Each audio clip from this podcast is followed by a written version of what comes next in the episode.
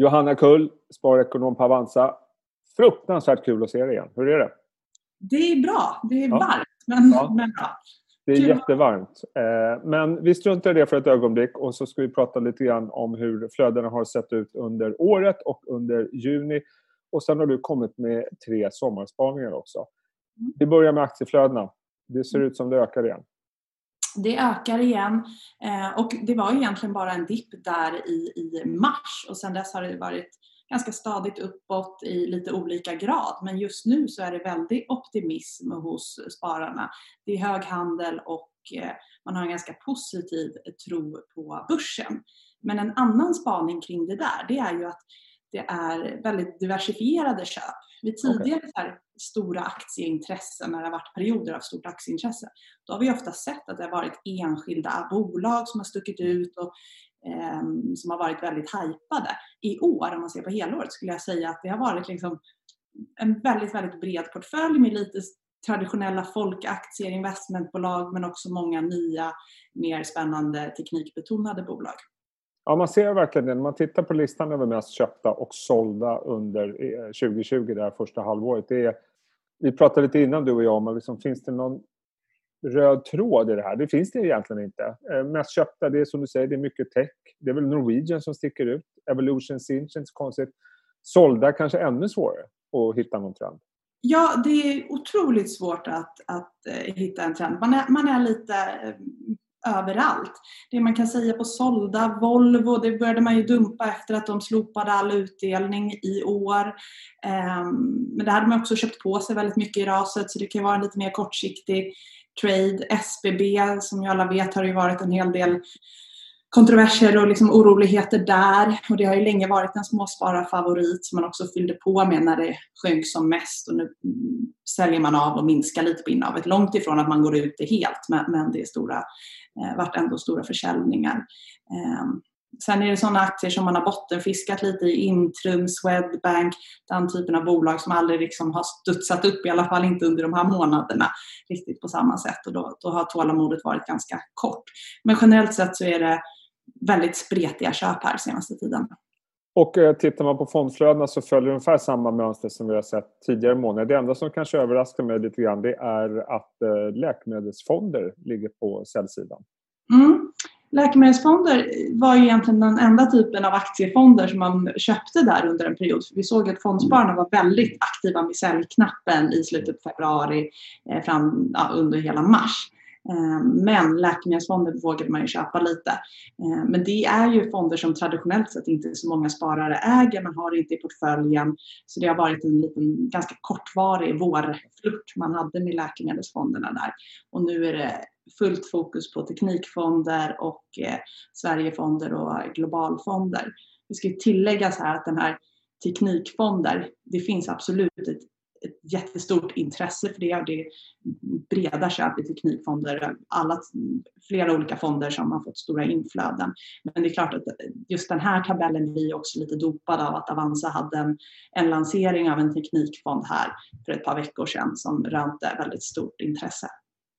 Precis. Eh, och sen då, då, vi lämnar flödena för, ett, eh, för den här gången och så går vi över till Johanna Kulls egna sommarspaningar. Passar bra en sån här dag.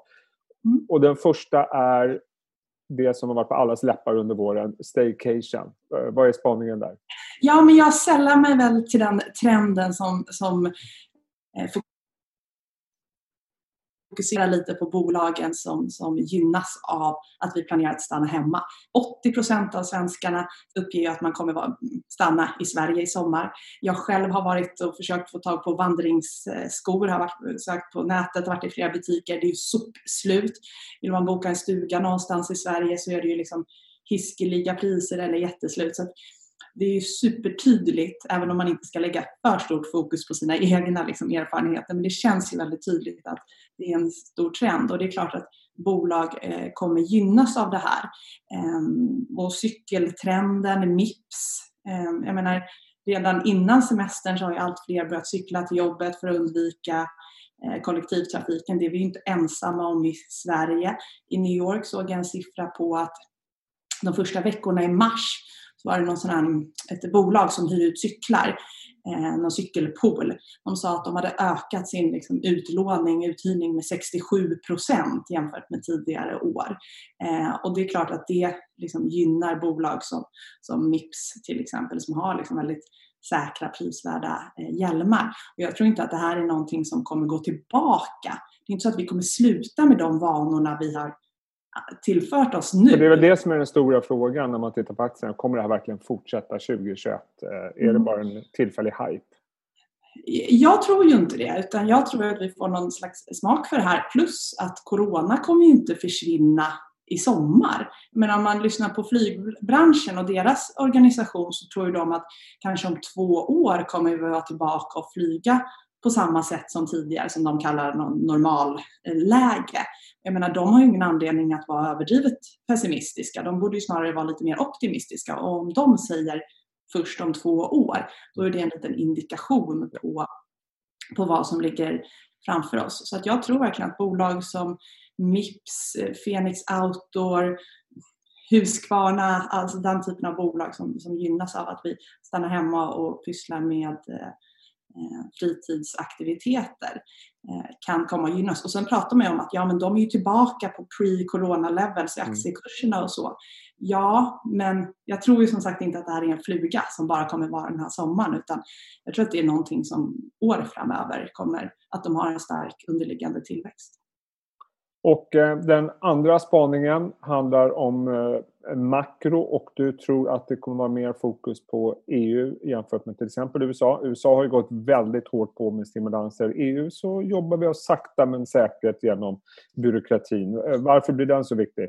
Ja, men det är ju väldigt mycket himla massa byråkrati i EU och generellt sett så brukar ju inte marknaden vara så här jättebrydd om det som sker i Bryssel utan man vet att det är trögrörligt och så. Men nu är det ju faktiskt behov av att någonting ska hända. Jag menar, vi måste få alla är ganska ense om att det här stimulanspaketet, den här räddningsfonden som nu EU ska, eh, ska införa på 750 miljarder euro, liksom hiskelig summa, att, att den behövs. Men den måste ju också, man måste ju komma till någon kompromiss om hur de här pengarna ska, den här fonden ska finansieras, hur, det ska, hur pengarna ska spridas mellan EU-länder eh, och om det ska vara lån eller bidrag.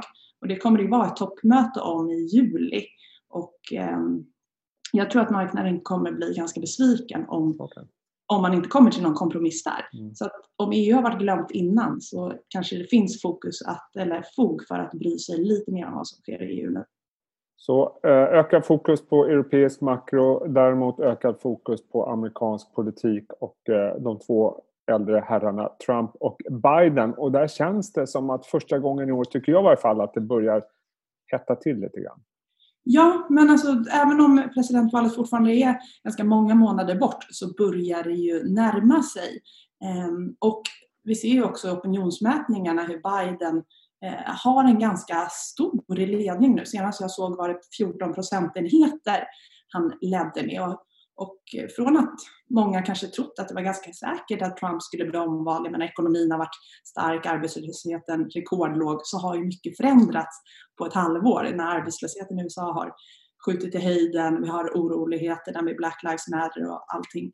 Ehm, och då har det ju det också gett Biden lite, lite vind i seglen. Men oavsett vad man tycker om det här ehm, så, så finns det ju anledning att tro att Wall Street och börsen kanske inte riktigt kommer ehm, eh, uppskatta om Biden drar ifrån ytterligare. Han var ju så sent som förra veckan ute och talade om att um, han vill se över bolagsskatten och kanske höja den och därmed dra tillbaka den här skattereformen som, som, som Trump genomförde. Eh, och han har även varit ute och pratat om att han inte tycker att bolag borde göra återköp av eh, egna aktier utan man istället borde investera i bolaget för att det ska växa och så vidare. Och det är något annat som har lyft, lyft börskurserna här senaste åren. Eh, så jag tror att om han utökar ledningen så kan vi dels få se en reaktion på marknaden. Man att det, om vi inte redan har sett det de senaste veckorna här. Ja. Eh, och dessutom kan vi få se en Trump som blir mer desperat och kommer komma med liksom mer extrema förslag. Ja, eh, det blir väldigt intressant. Just nu känns det som eh, börsen har varit väldigt fokuserad på just corona. Men jag håller med dig. Jag tror det kommer gradvis eh, gå över till mer och mer politik. vansinnigt spännande sommar trots allt. Ja, men det blir Eller det. hur? Även om vi klagar lite på värmen just nu. Ja. Man ska inte klaga på det.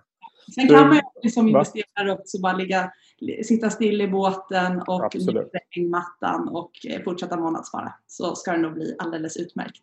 Det brukar vara ett väldigt bra tips. Eh, Johanna Kull, nu får du springa ner och bada. Jag vet att det är en av dina stora intressen. Eh, och om du söker en sommarstuga så kan jag och min fru hyra ut ett litet gästrum här. Det är bara att hojta till. Sköt om dig. Ja, vad bra. Ha det så bra. Hej då.